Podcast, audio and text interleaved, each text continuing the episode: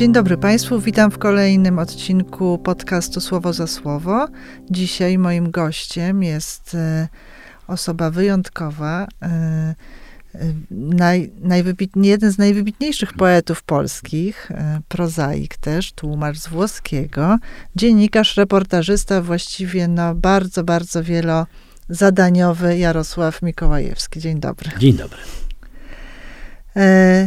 Jarku, ponieważ Twoja twórczość, Twoje doświadczenie zawodowe, Twój dorobek jest tak szeroki, że właściwie moglibyśmy e, cały cykl audycji z, zrobić e, o Twoim, o twoim robieniu wielu rzeczy, ale y, myślę, że ponieważ nigdy nie gościłam u siebie poety, chciałabym trochę porozmawiać o poezji i o tym, y, co to znaczy i jak to jest być dzisiaj poetą w tej trudnej rzeczywistości, jak się, jak wyżyć jako poeta, bo to też nie jest chyba takie łatwe. I kto docenia tę poezję, bo e, ostatnio widziałam na twoim Facebooku, mm, na twoim profilu ktoś ci zadał pytanie, czy warto zostać poetą? A ty odpowiedziałeś, się jest albo się nie jest. Czyli jak to jest, jak to się jest? Mhm trochę jak z chorobą, masz egzemę albo i nie masz. Także. I dzień dobry raz jeszcze. E, bardzo się cieszę, Marysiu, tak, że się, że się, że się widzimy w tej przyjaźni sąsiedzkiej, którą mamy ze sobą, bo muszą Państwo wiedzieć, że mieszkamy bardzo blisko siebie. Ale y, mam mówić na temat, więc tak, rzeczywiście poezja jest dla niepiszących wierszy czasami ciekawą rzeczą, bo to jest troszkę coś, co istnieje bez wątpienia, ale umyka definicji. Ale ja to spróbuję wytłumaczyć, bo ja to lubię tłumaczyć, Świetnie. dlatego że Znam takich poetów, którzy mówią, że wszystko, co miałem do powiedzenia, to powiedziałem w wierszu, proszę się odczepić, na przykład. Tak, więc ja tak nie robię, tylko staram się coś, coś powiedzieć o tym. Otóż to jest takie, trochę by się człowiek rodził z potrzebą ogromną podania komuś ręki, ale taką nerwicową po prostu. Czyli żeby kogoś złapać za rękę i poczuć tę cudzą garść i cudze ciepło we własnej dłoni. Ale to jest też taka potrzeba, żeby inaczej patrzeć na świat, bo ten świat zgodnie z tymi pierwotnymi opisami, które otrzymujemy na drodze, na ścieżce edukacyjnej, nie bardzo się nadaje do y, odbicia prawdy.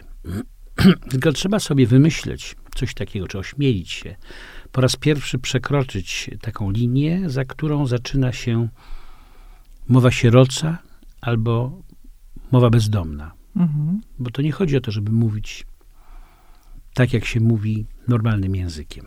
W ogóle ja się zastanawiam czasami, czy ja umiem mówić ty, takim zwykłym językiem, gdzie jest przede wszystkim występuje funkcja e, komunikacyjna. Tak? Mi się wydaje, że ja za każdym razem mam wrażenie, żeby, znaczy mam taką potrzebę, żeby wyrazić coś, co jest wielostopniowe, co jest wieloprzestrzenne, co jest mm, no, również y, jakoś inaczej brzmiące, inaczej e, narysowane, bo przecież wiersz to jest tak samo rysunek, on z daleka spojrzeć, to ma coś takiego. Zresztą kaligramy, kiedy rysował Apolinar kaligramy, to było mm. widać tam, a to wa wazę, e, a to, a to Bóg wie co. No i, e, i mówimy inaczej. Wydaje mi się, że nie wiem, jeżeli mamy sytuacje proste, ale nawet jeżeli mamy sytuacje proste, też to występuje. Ale na ogół w sytuacjach prostych nazywamy, tak? Przyjdź o, o czwartej, przyjdź do studia, tak? Gdzie? A mhm. przyjedziesz po mnie. No, proste, proste komunikaty. Ale nagle coś się dzieje w naszym odczuwaniu, co rozrywa naszą przewidywalność i przewidywalność naszych myśli, odczuć. Tej wiązki odczuć i, i, mhm. i myśli. No i my no, albo niesiemy to coś jako ciężar, albo możemy to rozpleść, możemy to roz, roz wypowiedzieć jakoś. No i y, wtedy zaczyna się poezja tak naprawdę. Znaczy wtedy, kiedy my nazywamy i mamy takie wrażenie i oddajemy to w języku, że to musi zostać nazwany trafnie, czyli adekwatnie, czyli w sposób nieoczywisty, bo ten świat jest nieoczywisty i to nie jest hasło, to nie jest slogan. Czasami widzę takie pielgrzymki, to u, świat jest cudowny, bo go stworzył Pan Bóg. Nie, ja tego nie widzę, że go stworzył Pan Bóg.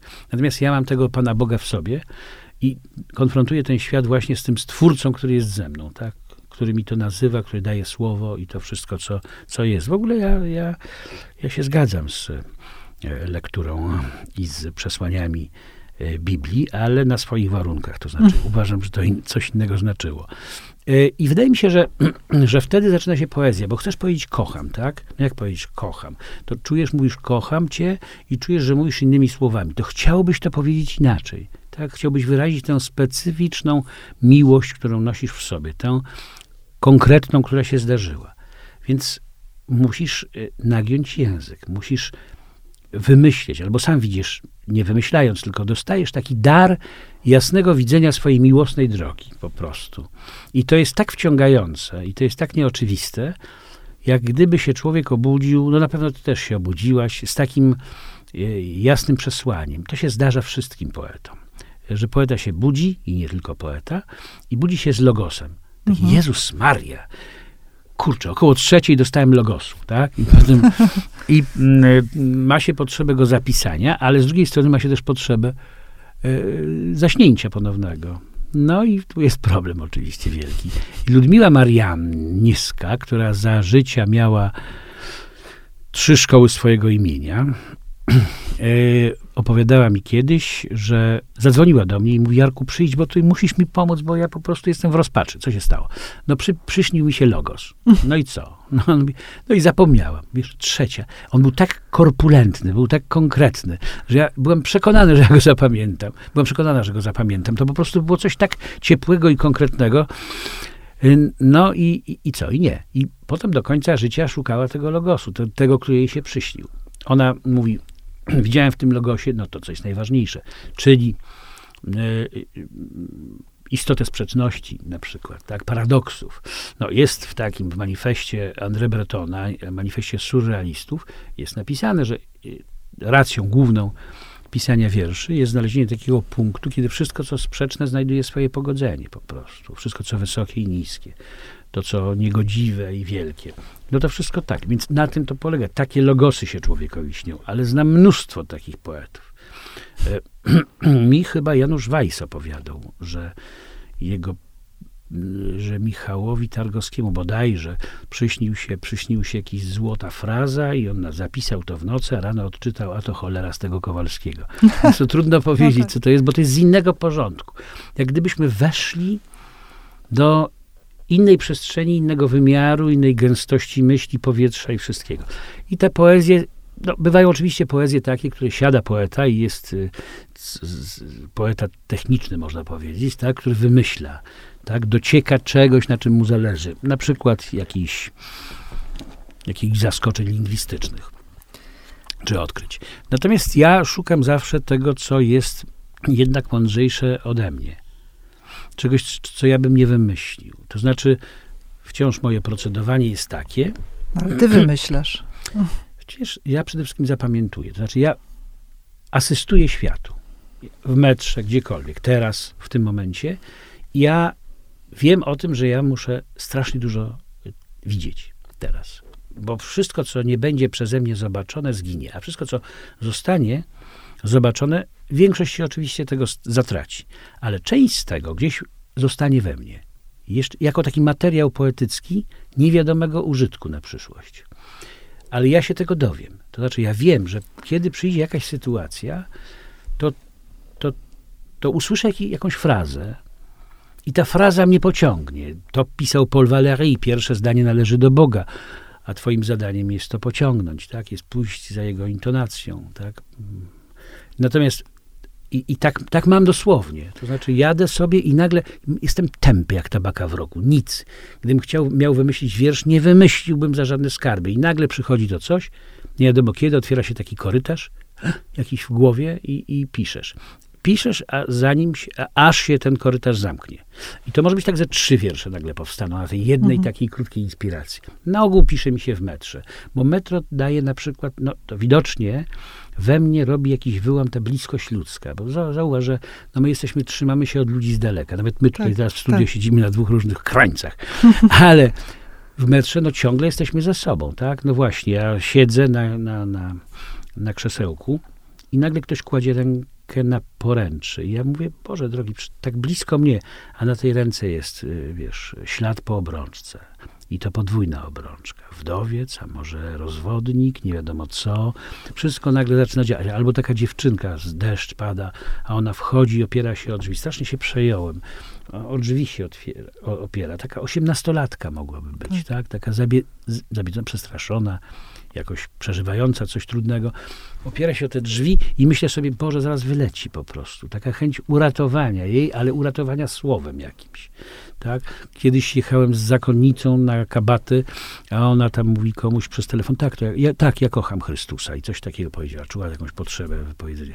Ja nie wytrzymałem i mówię, siostra naprawdę kocha Chrystusa, ale ja mówię na przykład kocham w stosunku do mojej córki, to mniej więcej coś takiego jest, mhm. tak, o to samo, a nie odpowiedziała mi, ale słuchała uważnie, pół godziny to trwało, nie wiem, czy potem się wyspowiadała, czy konsultowała podczas kolacji z innymi, ale w każdym razie to jest takie właśnie to, że nagle jest okazja, nagle i, i to słowo, ta myśl, ten korytarz uruchamia wszystkie doświadczenia mojego świata. I to nie jest powiedziane, że jak na przykład zacznę pisać o Bogu, no, wiersz, nie raz napisałeś o Bogu. No tak, ale zwróć uwagę, że jest również ten Bóg kobietą za każdym razem właściwie. Tak, no więc, że jak zaczynam pisać o Bogu, to mi się nie skończy właśnie kobietą, tak? To jest tak, jak gdybym uznał wszystkie światy istniejące za sąsiadujące albo za płynące tym samym strumieniem. Tak? Widzisz, bo ja jak czytam twoje wiersze, nie, nie umiałabym tak opowiadać o nich, jak ty opowiadasz teraz, e, ale też widzę bardzo dużo twojego patrzenia na świat i obserwowania świata, bo ty e, łapiesz te momenty, jeśli mogę tak powiedzieć, ale bardzo też widać, że nie jesteś w próżni, nie jesteś z dala od tego wszystkiego, co się dzieje w świecie, bo to nie jest tylko obserwacja w metrze, e, tak jak mówisz o tej dłoni, o obrączkach i o tej historii, która mogła stać, stać za tą dłonią, ale też e, takim jesteś poetą, który e, chwyta to, co się teraz dzieje, za wschodnią granicą, na, na naszej granicy, e, to, co się dzieje z, e, z migrantami. Ty też bardzo, widzę, e, poruszasz te wątki tak aktualne, no, nie polityczne, ale tak bardzo aktualne, jeśli chodzi o, o ludzki los. Więc to, to, to też jest jakiś rodzaj zapisu takiego, takiej kroniki, ale zupełnie inny sposób, bo tak bardzo wieloznaczny, bo to ma nie być tylko dotyczące tego jednego momentu, tak jak e, e, piszesz o, o tym, co się dzieje w Ukrainie, ale jednocześnie też przypominasz to, co się działo e, na Lampedusie, więc w jednym wierszu, więc e, to też jest taki zapis takiego kronikarza. Nie wiem, czy, czy tak mogę powiedzieć, czy to jest no. uwłaczające dla nie, poezji? Nie, wiesz co, no ja uważam, że każda rzeczywistość powinna zostać zauważona jednak. I wiesz, jest chyba tak we mnie jeszcze mnóstwo miejsca na widzenie tego świata, czy na ten świat. Nie mam z tym problemu, żeby go anektować. To zresztą zależy od okresu. Czasami się schowa ten świat, a czasami jest, narzuca się wręcz. I może to jest związane, ja mówię to zupełnie poważnie, mm -hmm. z moją nerwicą natręstw. Wiesz, mm -hmm. ja mhm. po prostu nie mogę nie zauważyć pewnej rzeczy. To jest coś takiego, jak ja Słuchaj, jasnej cholery dostawałem, jak ja usłyszałem jakieś słowo, którego nie rozumiałem. To ja pędziłem, przerwałem sobie lekturę, natychmiast pędziłem do Able, Blideo, Deb Franz, Frank, Im i tak dalej, i tak dalej. Polska Robę. I do encyklopedii powszechnej i czy, czytałem te słowa, tak? Nie mogłem pójść dalej po prostu. Tak, nie mogłem przeoczyć. Mhm. Miałem taką też taki moment, no do dzisiaj właściwie, chociaż troszkę mniej, kiedy czytając liczyłem wszystkie litery w każdym słowie wiesz? A potem dzieliłem na pół, bo mi tego było mało. Więc jak gdyby utrudniłem sobie to wszystko, patrzysz nam jak na wariata. Wiesz? No, ale w każdym razie, ale tak było, wiesz, i tak jest w sumie. I już teraz to robię mechanicznie, jak widzę 9 liter, jakiś wyraz 9 literowy, to potem mówię 9, 4,5. No bo mm. po prostu tak go dzielę. Tak jest po prostu. Mm. I to jest takie wtrynianie się w szczelinę słowa, wiesz, mniej więcej, ale to nie jest moje, ja tego nie chcę. Ja chciałbym się z tego wyleczyć, bo to jest strasznie ciężki, ale w to wchodzę. Tak. Natomiast wiesz co, i po prostu to było to, i jak ja to liczę, powiedzmy, tak, to znaczy ja po prostu wczytuję się, więc łapię jakiś szczegół, który tam w tym, podczas tego liczenia. To właśnie to jest takie uważniejsze czytanie, bo ja go czytam jeszcze pod tym kątem. Mhm. I nagle widzę to coś, co tam się dzieje. Wiesz, na przykład, nie wiem, czy, czytam y, wiersz, tłumaczenie y, Stabat Mater przekład Białoszewskiego, tak? I Mhm. widzę Jan, e, święty Jan apostoł prosi Matki Boskiej tylko e, no nie łam się, Matko Boża. I mówi, nie łam się, tak? To ja mówię, to jest przecież nie łam się koleś.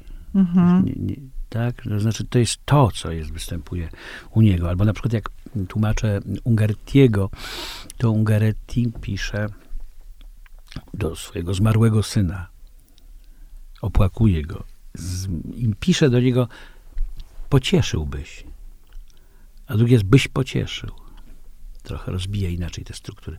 To ja słyszę tego chłopca, który, ja pamiętam z podwórka, tak, u mnie kolega Irek, nie miał swojej piłki i, do mnie pamiętam, Jarek, byś wyniósł piłkę. Mhm. Ja widzę ten sam rodzaj błagania takiego, byś pocie, e, byś wyniósł piłkę. Takie, taki, taki rodzaj tej samej prośby. No to trzeba jakoś tam w tym wszystkim słyszeć. Natomiast to są wiersze, które powstają z takiego zagospodarowania świata. Ja widzę świat i nagle myślę, nie mogę go zostawić, bo bo, bo mam tę nerwicę. Więc powiedzmy, że ta, ja wiem, że to może rozczarowuje innych, że to nie jest współczucie do końca, tylko również nerwica. Ale to też ma coś wspólnego z uczestnictwem, bez No, wątpienia. ostatni tom zatytułował życie na Ksanaksie, więc No.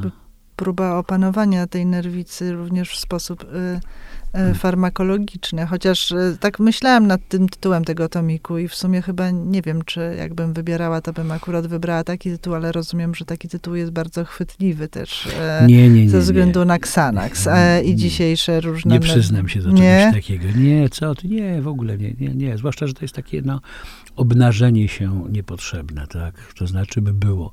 Nie, wiem o tym, że to jest miodące, więc musiało być szczególnie trafnie. Trafnie y, wybrane. No, taki okres mi się trafił po prostu, ale też taki rodzaj odczuwania rzeczywistości, że aż Mhm. budzą. No bo ta rzeczywistość jest, jak w której jesteśmy teraz, jest nie do, nie do zniesienia. Nie do zniesienia. Naprawdę, to znaczy, wiesz, ja po prostu, ta, wiesz, ten lęk jeszcze przed wojną ukraińską, ja pamiętam to rodzaj zagrożenia, który był, bo my o tego też nie doceniamy. Wojna zaczęła się 24 lutego, tak? no, no ale wcześniej przecież było, była ta przepychanka, było Tak. to zagrożenie, wiesz, naprawdę i ono było ciężkie. To jest tak trochę, jak gdyby się rodziła burza, gdyby niebo było w ciąży i z burzą razem urodziło wariata, no właśnie. I to jest coś, coś w tym rodzaju. Więc ten lęk przed tym, no, No tak. ja to muszę dostrzegać i kiedy przysypiam i kiedy nie widzę tego świata zewnętrznego, to na przykład, wiesz, no, żebrak, tak? Podchodzi żebrak. Wiesz, że ja wzorem, może wzorem świętego Franciszka, ale nie czuję, żeby to był wzór. Tylko to jest moje autentyczne. Gonię za tym żebrakiem. Jak go stracę z oczu i nie dam mu grosika jakiegoś tam, to potem pędzę za nim po prostu jak, jak, jak szaleniec. Pędzę, aż go muszę znaleźć. Ale go nie znajdę. Słuchaj, naprawdę mam wyjętych kilka dni. Naprawdę. I to jest jakiś rodzaj takiego y, rozjątrzenia, którego nie jestem w stanie po prostu ugłaskać. No tak jest i koniec. I nie ma co. To jest trochę też takie, jak mu powiedziałeś na początku, to szukanie pogodzenia tych dwóch sprzeczności, no bo jakiegoś takiego natręctwa ze współczuciem właśnie, prawda? No bo to gdzieś Mhm. jest współczuwaniem, bo i odnajdujesz to gdzieś, e, nadajesz taki upust temu w tym słowie, ale też e, zauważyłam, że też, no też piszesz sam o, o pisaniu wierszy i o wierszach. E, mm, skądś też przychodzi taki, taki pomysł, żeby, żeby napisać tak jak w e, ostatnim tomiku, właśnie Życie na Ksanaksie, e, jest taki wiersz Przytulenie. Tak? Że po tysiącach wierszy, miłosnych nocy, po przykładzie boskiej, po Lampeduzie i Mhm. dalej, i tak dalej. Że, że po słów milionach wypuszczanych na zwiady i, i, i właściwie tak jakby ym, ciągle szukasz e, kole, kolejnego, że już tyle tych słów z siebie wypuściłeś, ale mam takie wrażenie, że jeszcze nie powiedziałeś tego ostatniego, które, które, które gdzieś tam ciągle jeszcze czeka na ciebie. A z kolei w innym wierszu piszesz, że za każdym wierszem jestem przekonany, że jest to wiersz mój ostatni z ostatnich. A potem wracasz. A jeżeli wracam potem do poezji, to chyba Także dla tego odczucia, dla żrących absyntów własnej zawodności i cierpkiej pewności, że jestem bezradny, tak kocham kruchość, niemoc i nieciągłość. I smak niezmienny wiecznego debiutu. Więc tak trochę też poeta się miota. poeta się miota jak diabli. Natomiast wiesz, no tak, bo oczekuje się od człowieka jednak e, ciągłości. Ja jestem nieciągły po prostu, tak? Jestem niekonsekwentny, nieciągły. Tak, nigdy nie potrafiłem odpowiedzieć na pytania sądy ulicznej, bo to po prostu jest zawsze, bo bałbym się, że drugi, za chwileczkę podejdzie druga sonda i powiem coś kompletnie innego, wiesz, że ja, ja nie potrafię się skazać na samą. Poza tym wytworzyło się we mnie jakieś taka, takie przekonanie, że ja nie mogę, że muszę unikać inteligencji, wiesz, po prostu. Krótko mówiąc, że ja muszę, że jak mi przychodzi do głowy coś inteligentnego, to pierwsza rzecz muszę zrezygnować z tego, tak, natychmiast. To znaczy, bo to jest jakiś, bo to jest okropne, bo to jak gdyby e, daje takie poczucie, może na moment takie poczucie, że ja mogę korzystać z takiego instrumentu, który być może mój rozmówca nie ma. Wiesz, więc się strasznie tego wstydzę, jak ja czasami coś mi się chlapnie od niechcenia, co się okaże, że ma znamiona inteligencji, to po prostu się z te, tego wycofuje. No, tak jest, wiesz.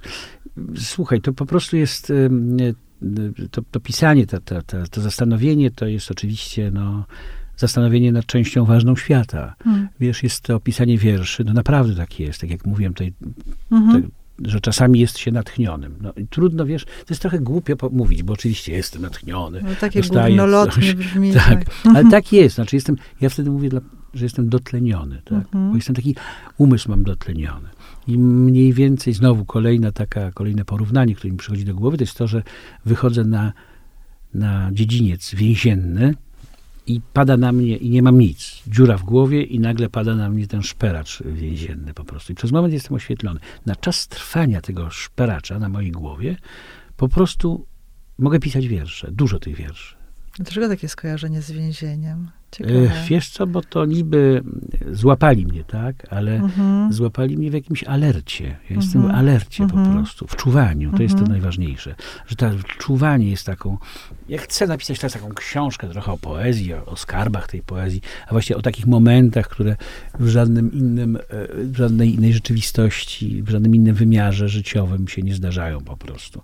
I dlatego poezja sama jest w sobie dla mnie godna odnotowania. Też, ale też jej błahość, tak. Mm. Włosi mają taką tradycję, tak. Pierwszy, kto napisał rym Fiore Amore, czyli kwiat miłość, był geniuszem, a drugi idiotą, wiesz, no taki, od takiego początkowego zupełnie za, zastanowienia. No tak jest i wiesz, więc wchodzę do tych też znanych mi języków, żeby się zastanowić, jak to wygląda. I pisać o poezji jest ważne, bo to jest pisać o domowym pejzażu.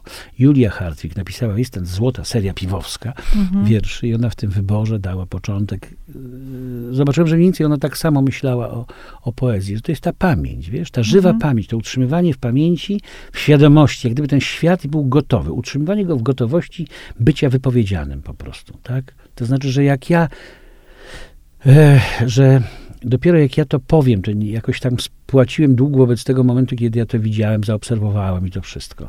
I to siedzi we mnie i chciałbym to powiedzieć, ale kiedy nie piszę wiersza, to ja sobie z tego nie zdaję sprawy, ja tego nie pamiętam mhm. po prostu. I nagle przychodzi wiersz, przychodzi chwila wiersza, Chwila wiersza, to jest tytuł, który mogę tak, przeczytać tej audycji. Dobre.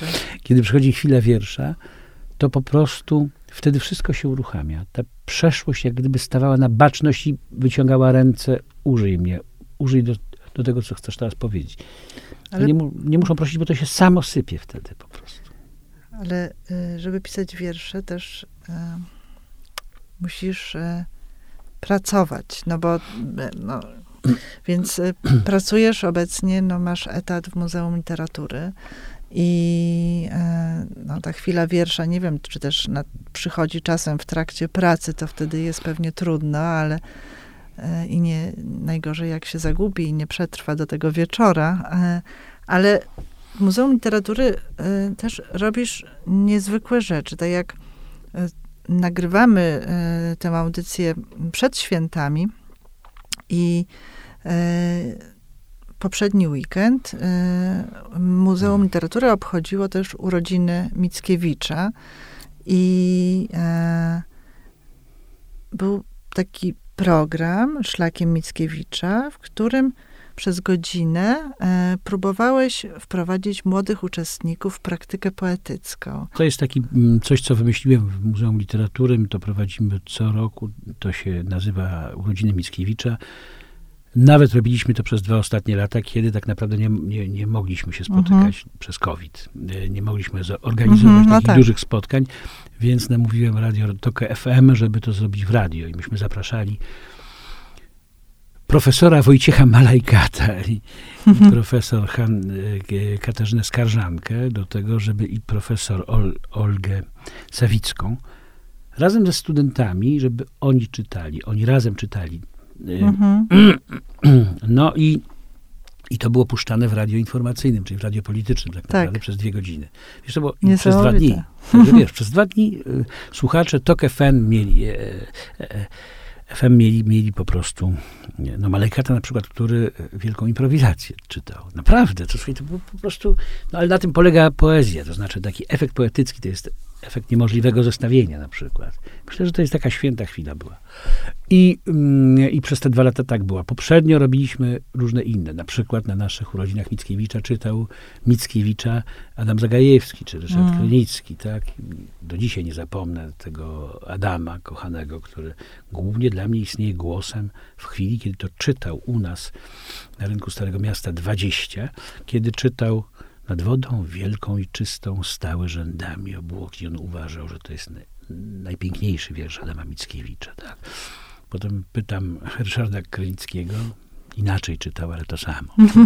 To znaczy, to było takie istotne. E, w tym roku tak, mieliśmy, mieliśmy ten dzień, który poświęciliśmy ludziom młodym, to znaczy z ogniska teatralnego u Machulskich czytali mhm. młodzi ludzie, ballady i romanse, bardzo pięknie, ale tydzień wcześniej czytali studenci w ramach tej samej niby imprezy, tylko nieco wcześniej, studenci drugiego i trzeciego roku Akademii Teatralnej. Przepiękny spektakl zrobili na podstawie ballad i romansów. Przepiękny u nas też.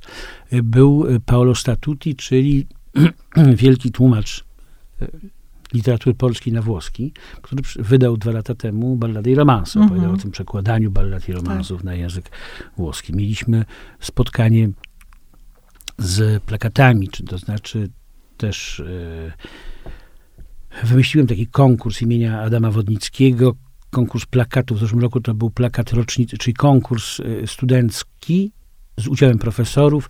Na plakat w zeszłym roku był to Dante, 700. Mm. rocznica Dantego, a w tym roku 200. rocznica ballad i romansu, czyli mm. roman, romantyzm.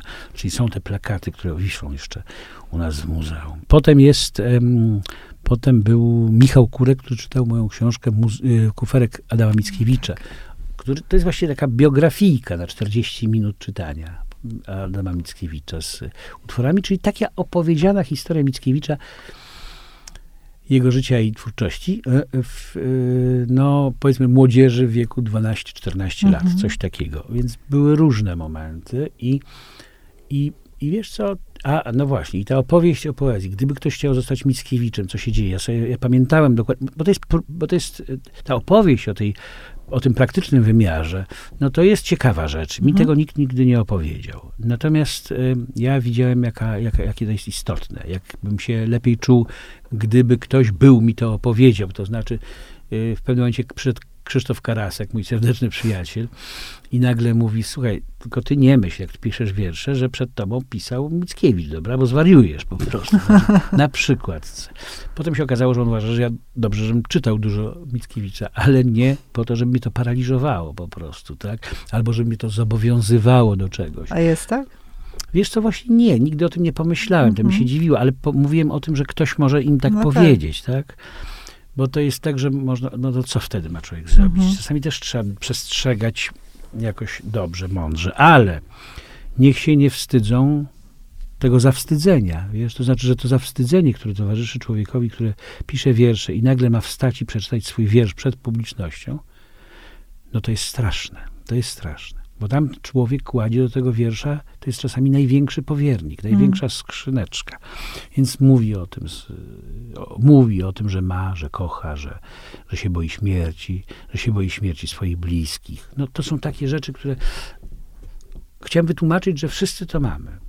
Ja to wtedy tłumaczę po prostu podobieństwo ludzkie. Mówię o podobieństwie ludzkim, że nie tylko mamy wszyscy krew czerwoną, ale wszyscy mamy to samo. I jak na przykład mi się zdarzy napisać, moja mama ma 89 lat prawie, i jak ja do niej dzwonię, ona mieszka sama, jest bardzo sprawna, ale bardzo krucha, ma, ma osteoporozę, bardzo daleko posuniętą. Ale jak ja mówię, że napisałem, że, że daję mamie y, szansę tylko na, na, na, na dwa dzwonki, a jak za trzecim dzwonkiem mama nie odbiera, to trochę się gniewamy, tak? Znaczy, no to mnóstwo osób do mnie napisało wtedy że właśnie, że oni też tak mają, tak?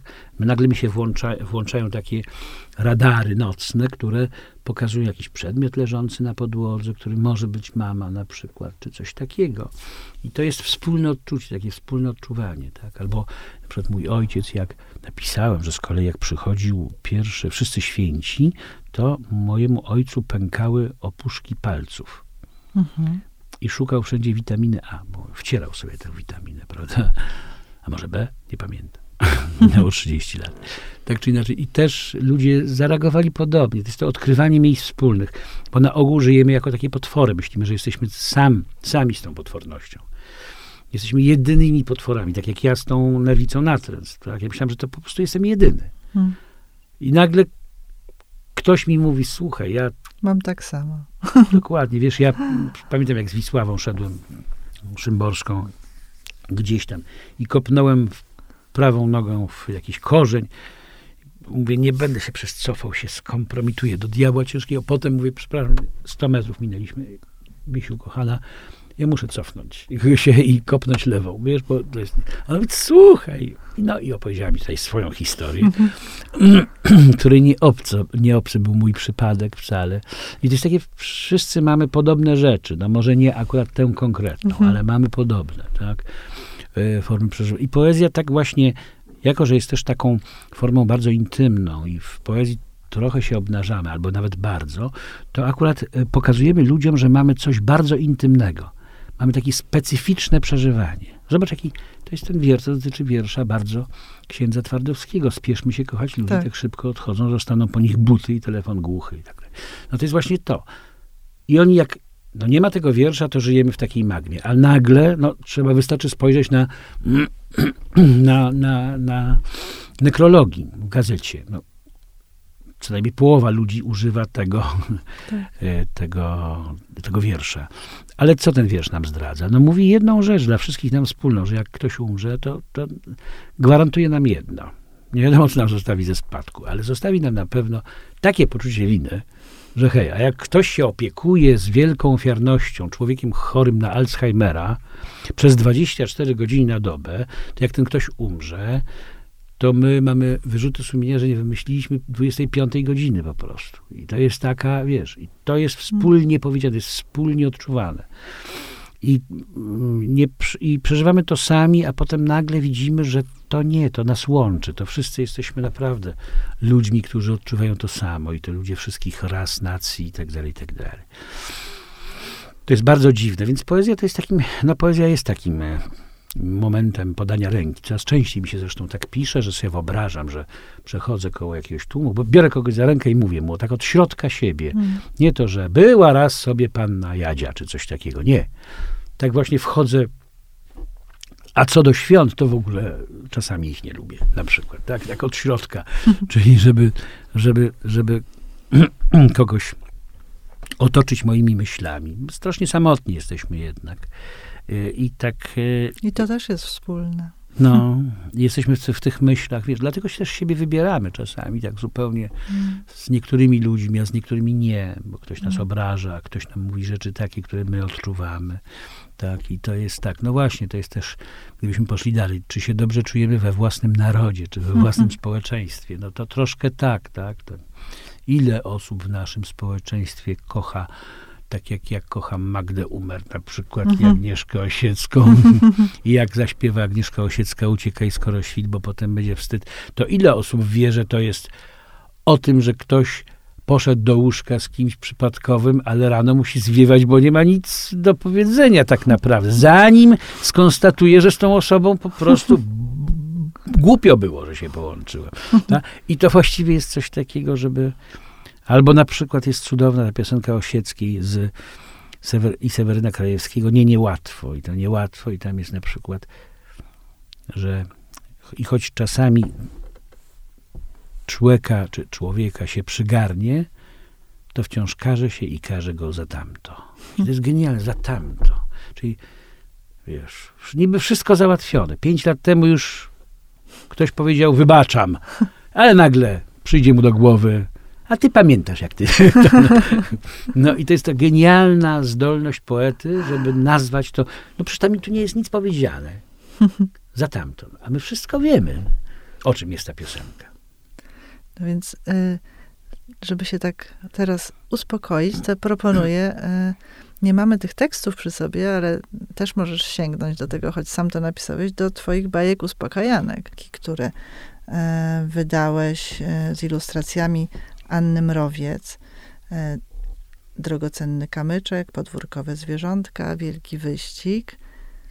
Mm, skąd taka potrzeba też zwrócenia się do tych najmłodszych, czy to do rodziców właściwie.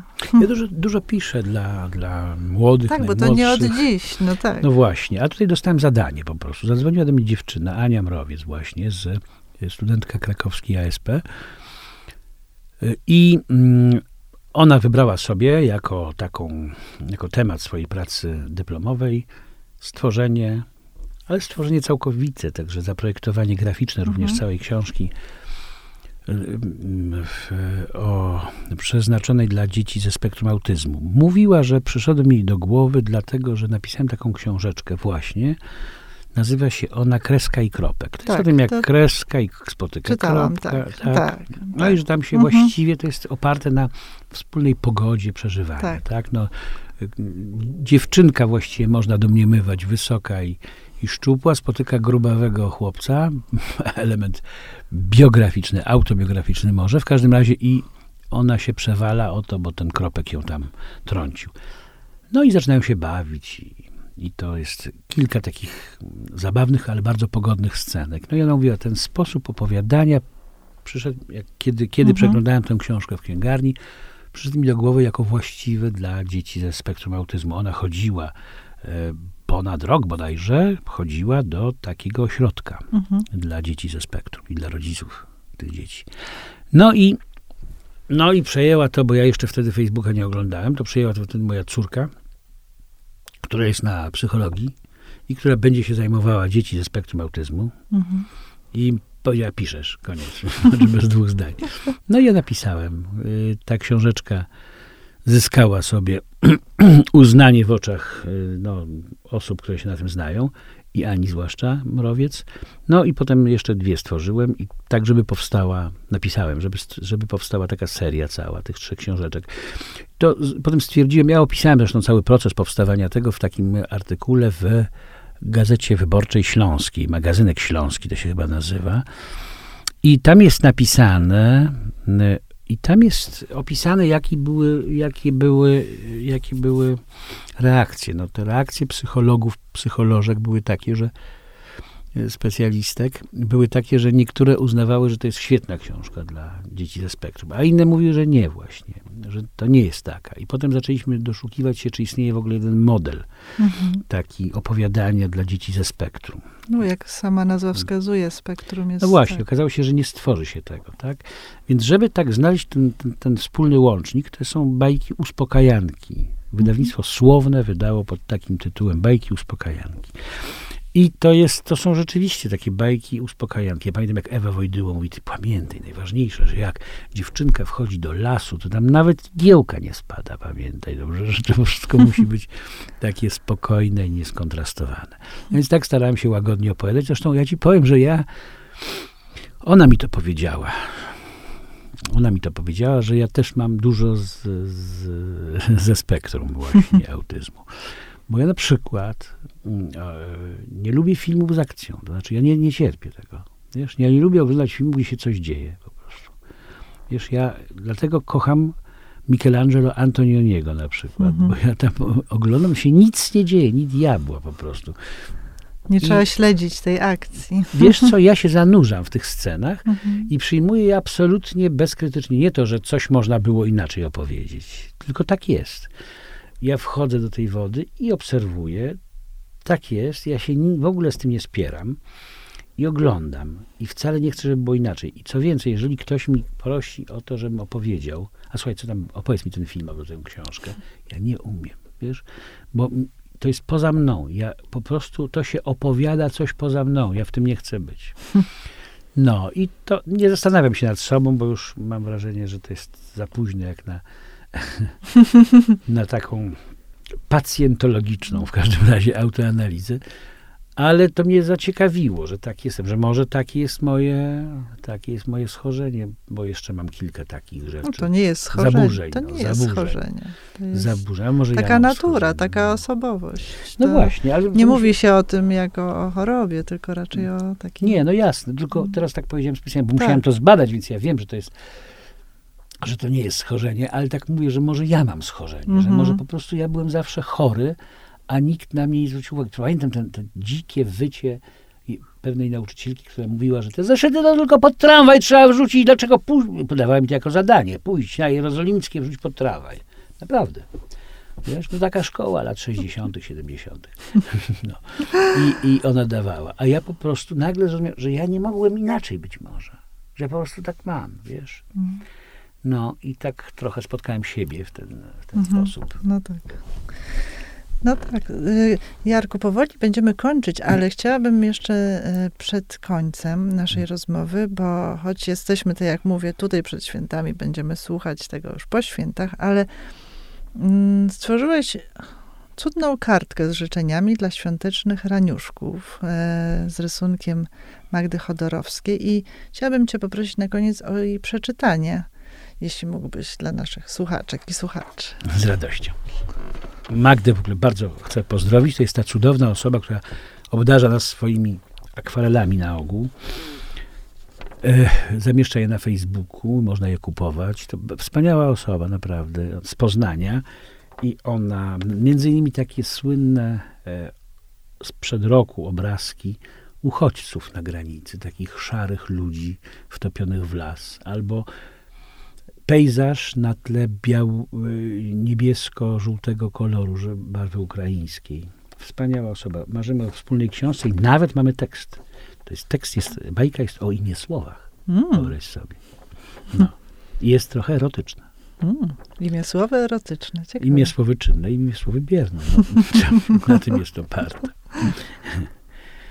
Gdyby ktoś z Państwa chciał opublikować, to bardzo proszę o kontakt. No, są dwa piękne raniuszki wy- wymalowane przez Magdę. No i ten wiersz. Kartka z życzeniami dla świątecznych raniuszków. A temat, tytuł, przepraszam, hymn stworzeń. Narysuj mi Boga z chwili, kiedy stwarza i kiedy opuszcza na progu cmentarza. Złap go, kiedy rodzi i kiedy odchodzi, i kiedy stworzenie twórcę nie obchodzi. Narysuj go w chwili, kiedy upokarza i kiedy podnosi, żeby przepoczwarzać. Rysuj go z początku mojego wyjątku na prawach depcących granice rozsądku. Narysuj go w chwili, gdy jednorazowo stwarza i w chwili, kiedy wciąż na nowo. I niechaj ta chwila będzie wieczna, czyli w każdej chwili, gdybyśmy byli i nie byli. We wszystkich stworzeniach narysuj go naraz. Jestem niecierpliwy, więc uchwyć go zaraz. Bardzo Ci dziękuję i dziękuję Ci też za rozmowę. Następna powinna być chyba o Bogu, tak a propos tego wiersza, żeby go rozwinąć. E, może się tak nam uda jeszcze. Moim gościem był poeta Jarosław Mikołajewski. Zachęcam do sięgania po e, jego poezję, ale również i po reportaże, i po uspokajanki. Dziękuję bardzo i życzę szczęśliwego roku, który już jest. Do usłyszenia. Do usłyszenia.